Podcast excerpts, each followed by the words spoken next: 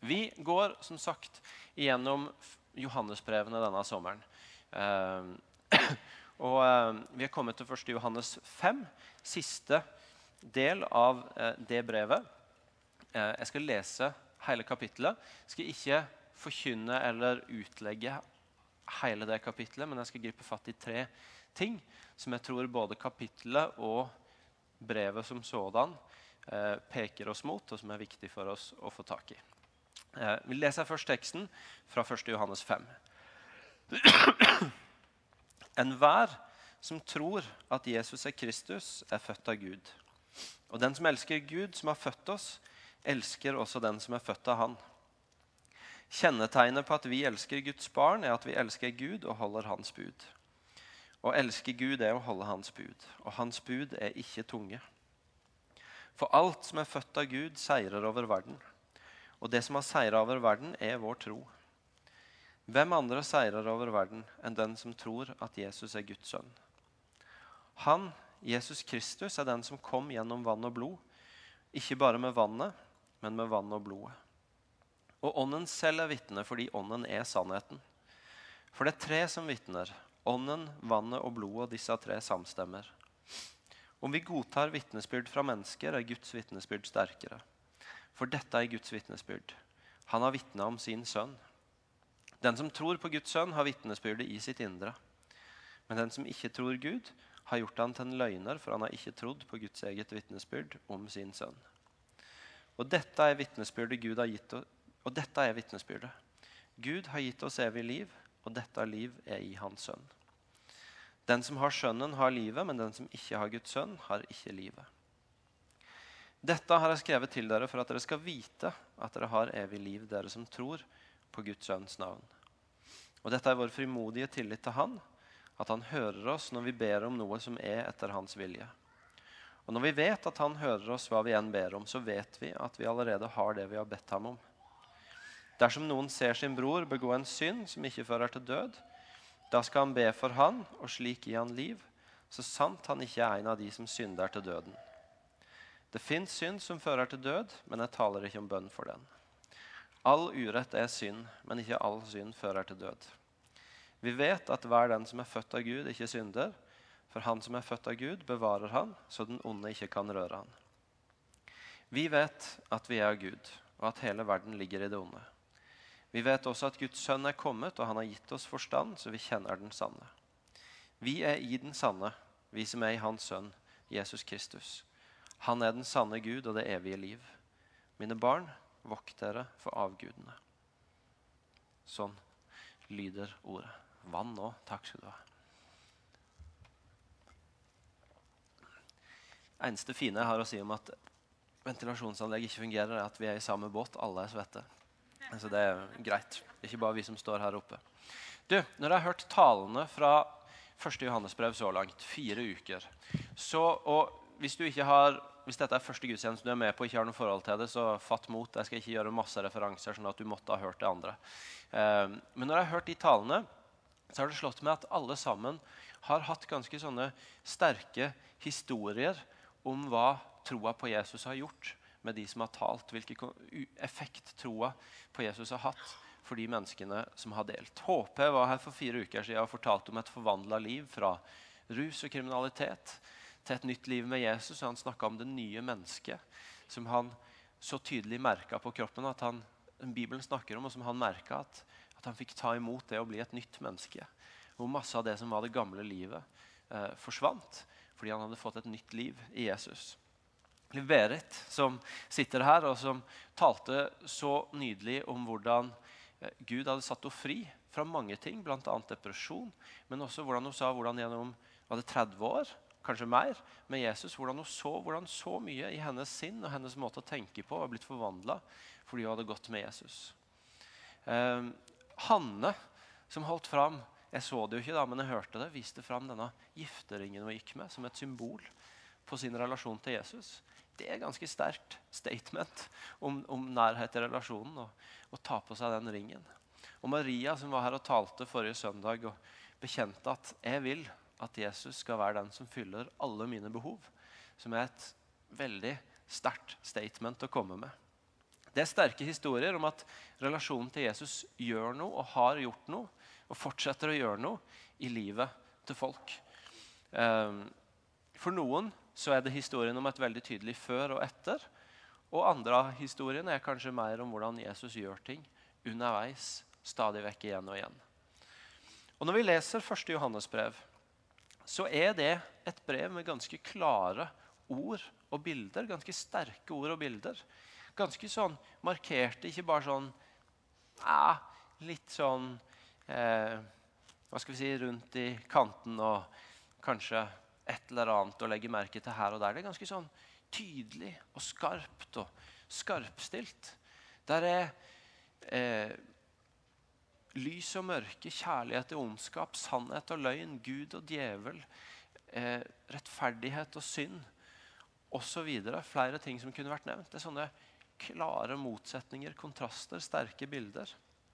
Og brevet er skrevet fra Johannes til antagelig mange forskjellige byer i regionen i Asia som han sendte ut dette brevet til. Eh, og som opplevde at den troa de opprinnelig hadde, det som var fundamentet for deres tro, at det ble utfordra av at nye folk kom inn og fortalte nye ting. Johannes skriver i vers 1.1 at eh, han skriver for at de skal holde fast i det som de har sett med egne øyne, det som vi så, og som hendene våre tok på. Han skriver inn mot noen som kommer og prøver å fortelle nye sannheter og andre sannheter og bringe noe annet inn. eh, så, så, så, kommer han bare for å minne om at vet du, nå, dette var det vi så. Dette var det hendene våre tok på. Dette er det vi tror på. Og så bruker han et tydelig språk og tydelige bilder for å formidle det budskapet. Og Det er interessant, syns jeg. Bl.a. fordi at Johannes blir kalt kjærlighetens apostel. Og i 1. Johannes brev så står det jo masse om kjærlighet. Bl.a. forrige uke når det var 1. Johannes 4 og eh, Maria var her og talte, så er det noen sånne voldsomme statements om kjærligheten. F.eks. i vers 7. Kjærligheten er fra Gud, og hver den som elsker, er født av Gud og kjenner Gud. Vers 10. Dette er kjærligheten. Ikke at vi har elska Gud, men at Han har elska oss og sendt sin sønn til soning for våre synder. Eller eh, vers 18. I kjærligheten fins det ikke frykt. Den fullkomne kjærlighet driver frykten ut. Og vers 19.: Vi elsker fordi Han har elska oss først. Masse kjærlighet. Og så var Maria sist inne på spørsmålet om ja, hva kjærlighet er, og hva slags bilder vi får i hodet når vi hører masse sånne statements om, kjærlighet, om kjærlighet. Eh, og hvordan det kanskje kan være litt rett for oss å få hvis det blir masse kjærlighetssnakk og masse ord og kjærlighet og elske og sånt inn, så kan vi lett få litt sånn rosa, myke, milde, vennlige bilder i hodet vårt. Og så er ikke det nødvendigvis galt. Det er ikke sikkert det er feil at eh, Guds kjærlighet også har noe vennlig, noe mykt, noe mildt over seg. Men så er det interessant å se at Johannes, som er kjærlighetens apostel, fordi han skriver mye om kjærlighet, ikke bare her, men også i evangeliet sitt, og i de andre brevene sine og i åpenbaringsboka. Eh, han blir også av Jesus, ser vi i Markus 3, 17, kalt for Tordensønnen. Og Tordensønnen det høres jo ikke så rosa ut. da. Hvis Jesus bruker det for å på en måte beskrive noe av framferden hans, noe av hvordan han kommer fram, så tenker jeg at Tordensønnen det høres litt mer buldrende ut. Det er ikke bare rosa og mykt og mildt og vennlig, selv om det sikkert kan ha det og i seg.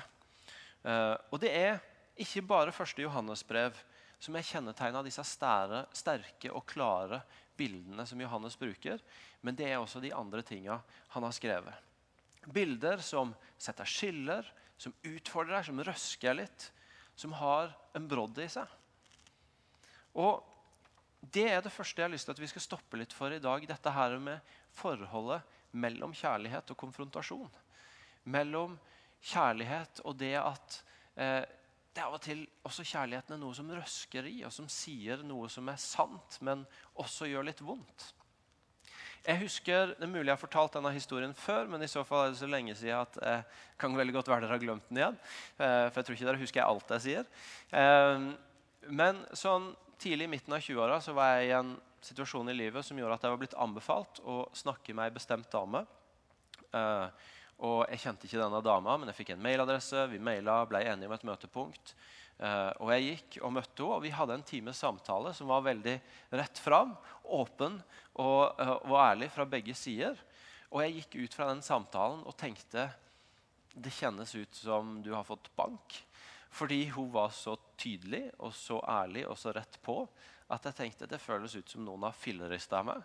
Og Så kjente jeg litt etter, og så tenkte jeg Og det kjennes egentlig utrolig godt ut. Fordi at det, for, for, På den ene sida var det så tydelig at hennes agenda med å riste i meg, det var egentlig bare å få meg nærmere Jesus. Det var ikke det at hun skulle ha meg til å gjøre noe bestemt for sin egen del. eller et eller annet sånt, Men hun, hun hadde en agenda om å få livet mitt nærmere Jesus, og derfor så rista hun i meg på noen ting. Og det andre var at hun sa ting som egentlig, når jeg tenkte meg om, så syntes jeg det var rart at ingen andre hadde sagt det før. Fordi det var ikke det at det var så veldig overraskende. Og det var egentlig mer sånn at å, det var litt befriende at endelig noen sier det. At endelig noen setter ord på det. Fordi det er jo sånn det er. Og det er jo sant om meg. Det er jo en utfordring for meg. Jeg vet ikke om du noen ganger har gjort den erfaringa at noen snakker sannhet til deg som gjør litt vondt, som utfordrer, som røsker litt, men som egentlig også var litt godt at noen endelig sa. At noen endelig satte ord på, fordi det trengtes. Hvis vi skal være ærlige, så, så bor vi jo i et land hvor kulturen ikke er ekstremt konfronterende. Vi nordmenn er ikke ekstremt konfronterende, er vi det? Nei. Og hvis du da på en måte legger på eh, noen lag med kristen kultur, som noen av oss har levd i noen år, så er det ikke sånn at nivået av konfrontasjon ofte øker. Eh, men kanskje snarere går litt ned.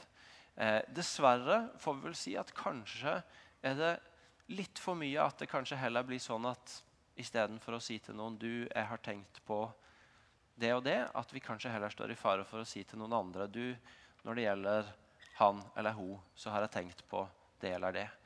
Eh, vi står litt for ofte i fare for å gå omveien istedenfor å gjøre det Jesus sier i Matteus 18. Hvis du har noe imot din bror eller søster, så skal du snakke med han om det. Vi er ikke ekstremt gode på konfrontasjon, mange av oss. Eh, det er ikke helt kulturen vår. Eh, og, eh, og så er det bare noe for oss, tror jeg, i dag og generelt, men, men, ut fra det å være sammen med Johannes, som er kjærlighetens apostel, men som også er tordensønnen, å få tak i noe av forholdet mellom kjærlighet og korreksjon. Mellom at noen sier deg noe som er sant, og som kanskje gjør litt vondt, men som allikevel er til ditt beste. Ordspråkene, som er skrevet for å gi visdom, for at vi skal få visdom, er en fantastisk bok i Gamle Testamentet som som det står så mye klokt i, og som er skrevet fra kanskje den klokeste, og som, eh, og som, som er meint å gi visdom til folk. Ordspråkene vektlegger faktisk igjen og igjen formaning.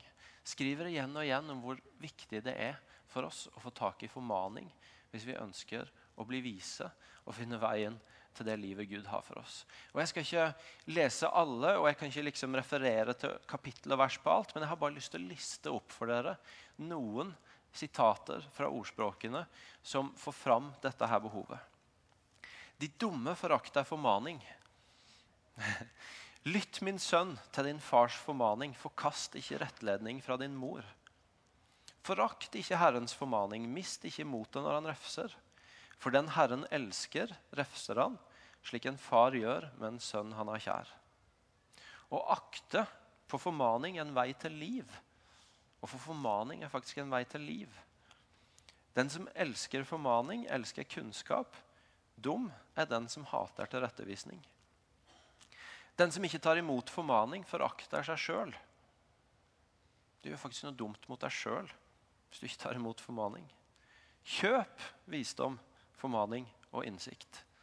Om så er, bruk penger på å få tak i at noen røsker litt i det, for det er viktig.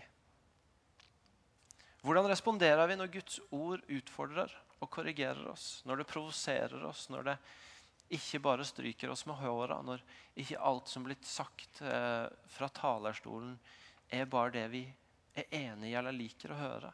Hvordan responderer vi når noen tør å ta litt tak i oss og, og si noen ting til oss som ikke er behagelige, og som kan føles truende. men som er sanne og viktige. Jeg leste ei bok tidligere denne uka om en, en, som beskrev hvordan han hadde vært i en sånn veldig vanskelig fase i livet. og Så hadde faren ringt og spurt han hvordan han hadde det. og Så hadde han vært ærlig på hvordan han hadde det. og Faren hadde lytta, og helt på slutten av samtalen så hadde han merka hvordan faren liksom tok mot til seg og tok litt sats. Og så, og så, sa han du vet, det er i sånne situasjoner som denne at eh, nå husker jeg ikke, nå mista jeg akkurat sitatet, men, men sier noe sånt som at det er i sånne situasjoner som denne at det på en måte avgjøres hvilken retning en tar med livet sitt. Faren torde å utfordre i en situasjon hvor egentlig alt talte for at han bare skulle vise medfølelse og stryke med han, så utfordrer han på at nå må du velge sånn at du får rett retning for livet i denne situasjonen. Og så ble det et vendepunkt for han. Det er viktig å noen ganger få de der utfordringene. Og jeg har sjøl i mitt fortsatt relativt unge liv en god del erfaringer på at folk har tatt tak i meg og sagt ting til meg. Eh, folk som har gått litt lenger enn meg, eller folk som går ved sida av meg, eller for den del kanskje har levd kortere enn meg, men går ved meg og ser ting, og så adresserer de det. Og så sier de det til meg, og så er det noe ved det som gjør at det er utrolig lett for meg å tenke vet du noe, Det der det var litt urettferdig, eller det var litt skeivt, eller det er ikke helt sant, fordi at eh, det og det og det hører jo også med til historien. Og så har jeg begynt på de der eh, tankespinna som handler om at ja, det var litt urettferdig, det var litt unyansert, det var litt karikert. Det føltes litt urettferdig. Og så oppdager jeg samtidig at vet du noe, inni det der, som jeg godt kan bruke masse tid på å beskrive hvorfor det var litt urettferdig, litt skeivt, litt ubehagelig, så var det faktisk noe som var veldig lurt og sant. Og hvis ikke jeg tar tak i det, så er det jeg som taper på det, og ikke de. Ordspråkene sier at formaning er en vei til liv. Det er jeg som går glipp av noe av livet hvis jeg bruker all energien min på å forklare det bort, istedenfor å få fatt i visdommen som er der. Um, det er masse å kunne sagt om dette emnet.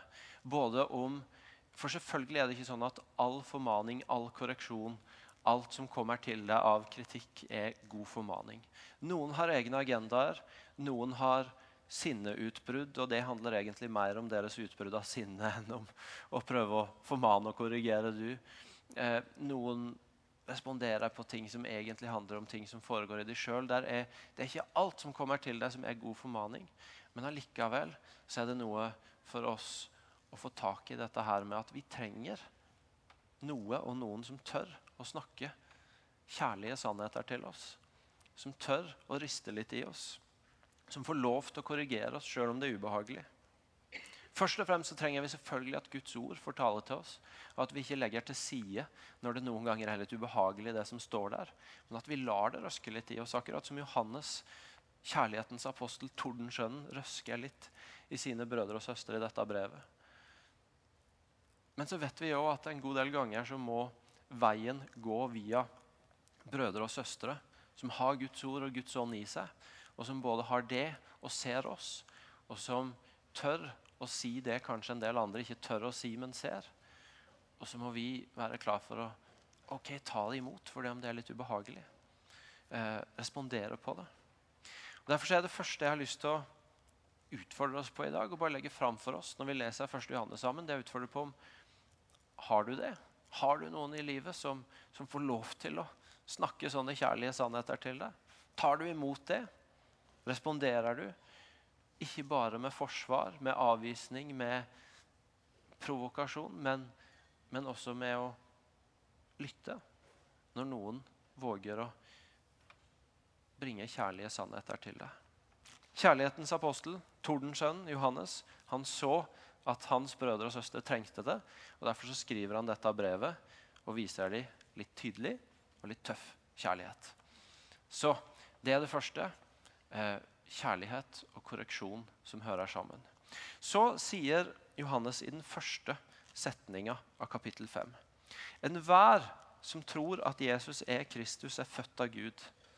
Enhver som tror at Jesus er Kristus, er født av Gud.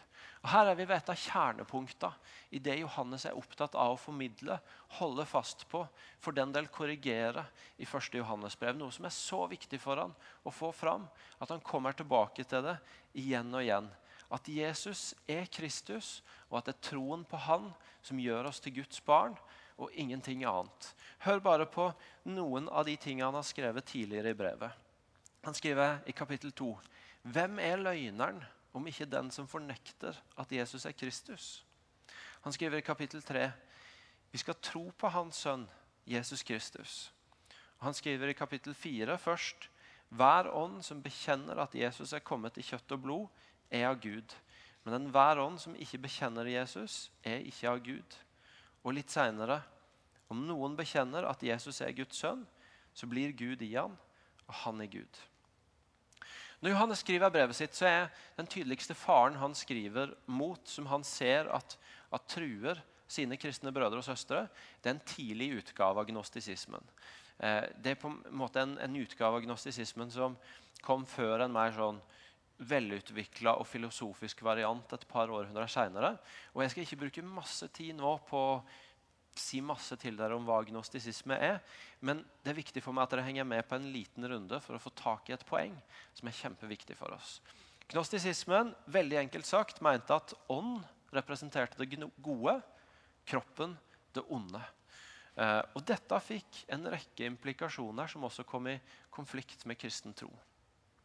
Eh, for det første så måtte en tenke annerledes om hvem Jesus var. Det var umulig å tenke seg at Gud sjøl skulle ta bolig i en kropp hvis kroppen er ondt. At den gode Gud skulle bo i noe som bare var ondt, nemlig kroppen. Og derfor så måtte en begynne å tenke helt annerledes om hvem det der. Kristen forståelse er at Gud blei menneske, flytta inn i kroppen, blei kjød, som det står i evangeliet til Johannes. Så måtte en begynne å finne andre sånne finurlige varianter på, på hvordan forholdet mellom Jesus og Gud var, som rikka ved denne grunnleggende forståelsen av at Jesus er Kristus, Guds sønn. Forståelsen av frelse ble berørt fordi den handla ikke lenger om at du ble frelst ved å tro på Jesus, men at frelse handla om å bli satt fri fra denne onde kroppen. Og det skjedde gjennom å få en spesiell type innsikt, kunnskap, forståelse. Sånn at eh, veien til frelse ble annerledes. Moralsk så fikk dette implikasjoner fordi at synet på kroppen var ond, faktisk svingte ut i to helt motsatte retninger. For noen så betydde det at man virkelig måtte holde den i tømme. Og så ble man asketer og både straffa og plaga kroppen. Og, eh, og, ble opptatt av på en måte å, eh, hva skal vi si, å, å, fjerne seg fra den på den måten. Og den andre retninga var jo helt motsatt. nemlig at Hvis kroppen uansett er ond, så, så, kan vi bruke den til hva den vil. Og så var det fullstendig fri flyt av eh, nytelser av alle slag uten noe moral som holdt ting i tømmene. Poenget er at Eller la meg først si at mot dette så skriver Johannes klart og tydelig for å holde folk fast i hvem Jesus er, og i at veien til frelse eh, går gjennom han. Han vil at de skal ha klart for seg hvem Jesus er, hvordan en blir frelst, og at det faktisk har implikasjoner for livet en lever. Derfor så sier Johannes så mange ganger i 1. Johannes brev at den som elsker Gud, han holder også hans bud. Bare for å stresse at nei, det er ikke sånn at kroppen er ond, så en kan egentlig bare ture på som en vil. Eller for den del plage og misbruke den skapninga som kroppen er fra Gud. Men, men en faktisk, hvis en tror på han og er frelst av han, så får det også implikasjoner for hvordan en lever. Jeg tror det er viktig for oss å få tak i at Johannes her viser oss noe om at det er en sammenheng mellom hvordan vi tenker og forstår, og, og hvor, hvilke implikasjoner det får for både hva vi tror og hvordan vi lever. Johannes han er opptatt av å plassere Jesus i sentrum. Og det er så avgjørende viktig for oss å ha på plass at Jesus er i sentrum for vår tro. At det er ingen andre som kan ta den hovedplassen, den sentrumsrolla, den helterolla, om du vil, som det Jesus har. Og det er faktisk veldig viktig at vi forstår rett hvem han er. At vi har en klar og enkel forståelse av at Jesus er Guds sønn. Han er Kristus, Gud som blei menneske, og som, som er fullt ut Gud og menneske. Og veien til Gud går gjennom han. At vi tenker klart om det og tydelig om det, og ikke uklare på det. For hvis vi blir uklare der, så får det konsekvenser for hvordan vi tenker om hvordan vi blir frelst, og hvordan livet med Jesus ser ut. Det er faktisk sånn at hva vi tror, også forplanter seg videre. Jeg tror at Guds ord er meint å tale til hele oss. Jeg tror Guds ord er meint å tale til hodet vårt, altså til tankene våre og forståelsen vår. Jeg tror at det er meint å tale til hjertet vårt, sånn at når vi hører Guds ord, så, så, blir det ikke bare ny kunnskap og informasjon, men det blir også til et møte med Gud som gjør noe med hjertet vårt. Og jeg tror at det er meint å tale til hendene våre og beina våre, at det får implikasjoner for hvordan vi lever. Og at Guds ord skal, skal på en måte få influere alle de dimensjonene av livet vårt. Og så er det noen av oss som kanskje har, i hvert fall de av oss som har vært kristne en stund, og jeg som har vokst opp i et kristent hjem i en bestemt setting, som, som kanskje har opplevd at det har vært veldig mye vekt på det første. På kunnskapen, informasjonen, undervisninga av Guds ord. Til et sånt nivå at vi har kanskje oppdaga at oi, det ble litt statisk, og vi savna det som gikk til hjertet, og som møtte oss. Som ble til et møte med Gud, ikke bare kunnskap med Gud om Gud, og som hjalp oss til å se at det gjorde noe med måten vi levde på. Ikke bare fordi en kristen kultur sa det, men fordi faktisk Jesus kalte oss til det livet. Og vi, fordi vi hadde lært hvem han var og møtt han i hjertet vårt, så ønska vi også at det skulle skje noe med livet vårt og måten vi levde det på. Og så, så er det kanskje noen av oss som har levd litt i en sånn reaksjon på det og blitt veldig opptatt av møtene med Gud og av hvordan vi skal leve ut troa på Han. Og så trenger vi bare å huske på at det er fortsatt viktig at vi er klare på hvem Han er, og hva det er vi tror på. Fordi det forplanter seg i hvordan vi møter Han og forstår at vi er frelst, og hvordan vi lever ut etterfølelsen vår av Han. Det forplanter seg, og derfor er det ikke uviktig. Og vi har ikke tid, nei, vi har ikke tid, nei, vi har ikke råd til å slurve med det. Det kan godt hende vi har tid, hva vet jeg, men vi har i hvert fall ikke råd til det. Eh, det handler ikke om å lære seg noe som er veldig avansert. Men det handler om å være veldig tydelig på noen grunnleggende sannheter, som Johannes også er her, om at Jesus er Guds sønn, han er Kristus. Veien til Gud går gjennom han. Han er Gud, og han er menneske. Sann Gud og sant menneske, som vi sier i trosbekjennelsen. Og så er det mange ting videre derfra som vi kan fortsette å forske i og lære i, studere Skriftene, møte ham på, berike seg andre. Men å holde fast i noen sånne enkle, grunnleggende, faste ting og sørge for at han alltid er i sentrum, så vet vi at vi lever i ei sunn kristen tro. Tenk bare på eh, det er jo sånn, Et sted i evangeliene så, så kommer det noen og spør Jesus, eller så spør Jesus noen ja, hvem sier folk at det er. Og så svarer folk forskjellige ting. En profet, en stor lærer osv. Og så er ikke problemet med det de sier, at det er noe galt i seg sjøl i det de sier. Problemet er at det er ikke hele sannheten. Det er først når, når Jesus spør ja dere da, disipler, hvem sier dere at det er, og Peter kommer med bekjennelsen du er den levende Guds sønn, at hele sannheten kommer. Den sannheten som vi trenger å holde fast på. Tenk bare på hvis, hvis vi sier at Jesus er forbilde. Det er jo ikke galt. Jeg har til og med skrevet en bok som heter 'Jesus som forbilde'. Eh, men hvis vi bare sier det om Jesus, så kan det jo veldig lett bli sånn at vi begynner på et eller annet punkt å bli litt utydelige på ja, er vi frelst fordi Jesus døde for oss? Eller er vi litt mer inne i en sånn der greie hvor det handler om hvem som klarer å etterligne han mest? Eller hvis vi forfølger det sporet videre, kan det bli litt sånn da at når vi skal behandle hverandre, at det ikke er som Johannes her sier, at ja, men hvis kjærligheten er fra Gud, og vi elsker fordi han har elska oss først, og derfor så skylder vi faktisk å elske hverandre, kan det heller bli litt sånn at ja, men jeg er jo kommet mye lenger i å følge Jesus enn det du er. Så da er jo jeg mye bedre enn du. Det er faktisk sånn at hvis ikke vi tenker klart om noen sannheter, så forplanter det seg i hjertet vårt i forholdet til Gud og i måten vi lever utover for hverandre på. Og Derfor så kan ikke Johannes tillate at hans brødre og søstre begynner å rote med hvem Jesus er, og hvordan veien til Jesus Gud er. Og det kan ikke vi tillate oss heller. Vi har ikke råd til det. Det er kjempeviktig. Så hvis, hvis det er uklart for deg, eller hvis, umerkelig, så har, så har, på en måte spotlighten blitt, blitt dradd litt fordi at det var noe annet som ble litt mer spennende. Fra Jesus mot, mot et bestemt emne innen teologi, eller mot erfaringer, eller mot å leve ut bestemte ting. Så er dette dagen for å stille spotlighten tilbake. Og, og huske på at den skal alltid først være på Jesus. Og bare være klar på at du tenker klart om hvem han er. Jeg har en kompis som underviser på en eh, teologisk utdanningsinstitusjon i en annen by. og Han fortalte at, at når de hadde tekstgjennomgang eh, der, før søndag, søndagens tekst i kirkene, utdanna prester, så, så, var det helt påfallende, sa han, hvordan alle var så utrolig opptatt av å gå rett på det en kaller applikasjonen. Altså hvordan skal en leve ut det en her har lest.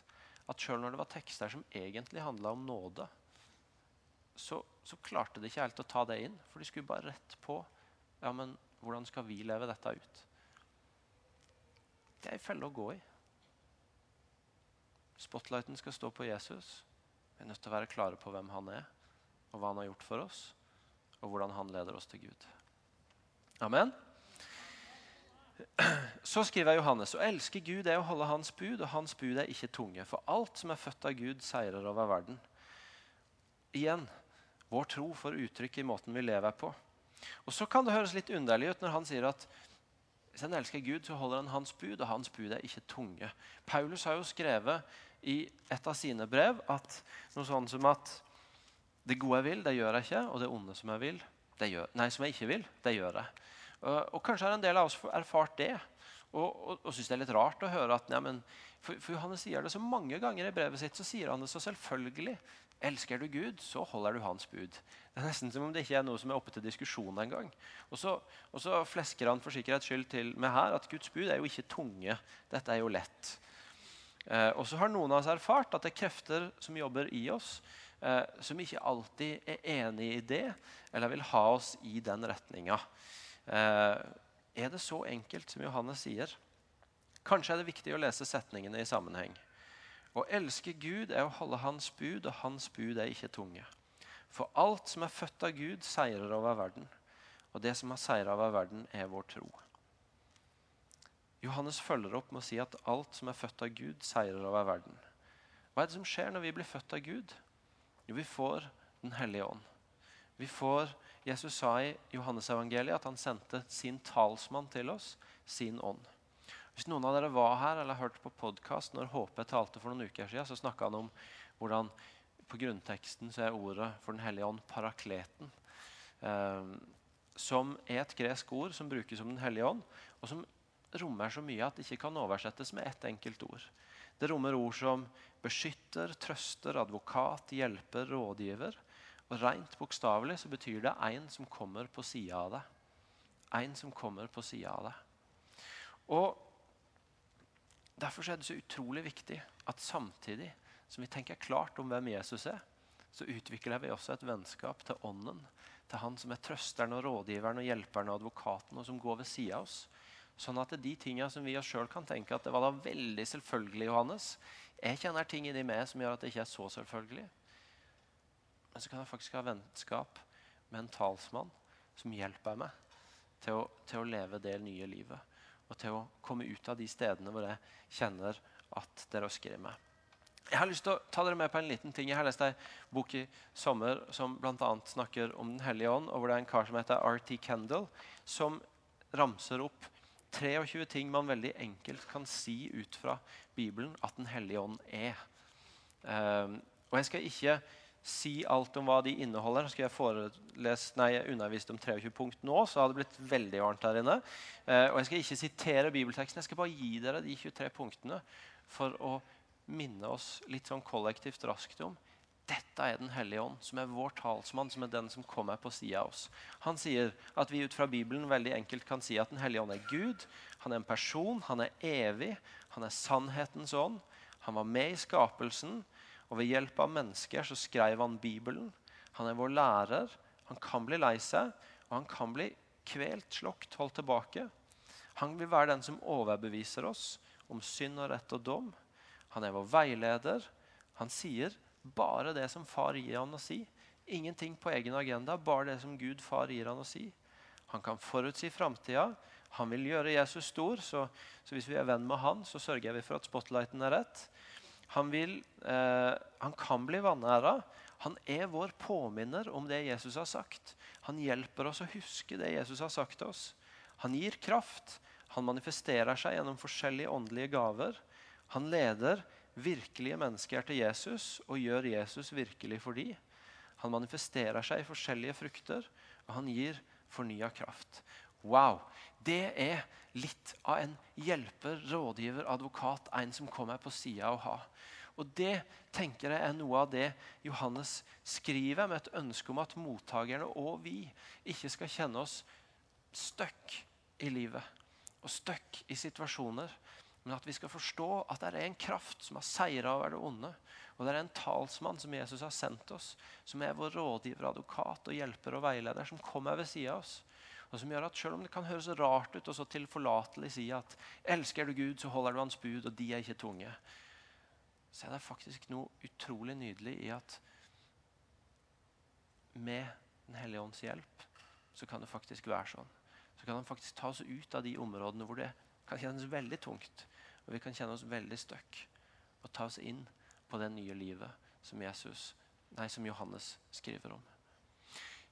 Tre ting som jeg hadde lyst til å legge fram for oss i dag ut fra denne teksten. Noen som kan gi oss kjærlig korreksjon. Enten det er Guds ord eller mennesker rundt oss. At Jesus får være i spotlighten, og at vi er klare på hvem han er. Og at Den hellige ånd er hjelperen, vennen, rådgiveren, den som kommer ved sida. Og som gjør at det som i oss sjøl kan høres umulig ut, og få oss til å føle oss stuck et sted, kan med han faktisk bli til at vet du noe, dette nye livet, som Johannes beskriver så tydelig og skarpt, det er åpent for oss. Det er et liv som vi kan leve skal vi reise oss og be sammen. Jesus, jeg har bare lyst til å takke deg for at du har gitt oss eh, At du valgte Johannes som en disippel, og at du eh, brukte han så tydelig som kjærlighetens apostel og som tordensønnen til å røske i oss med noen klare ord og bilder om hvem du er, og hvem, hva din kjærlighet er.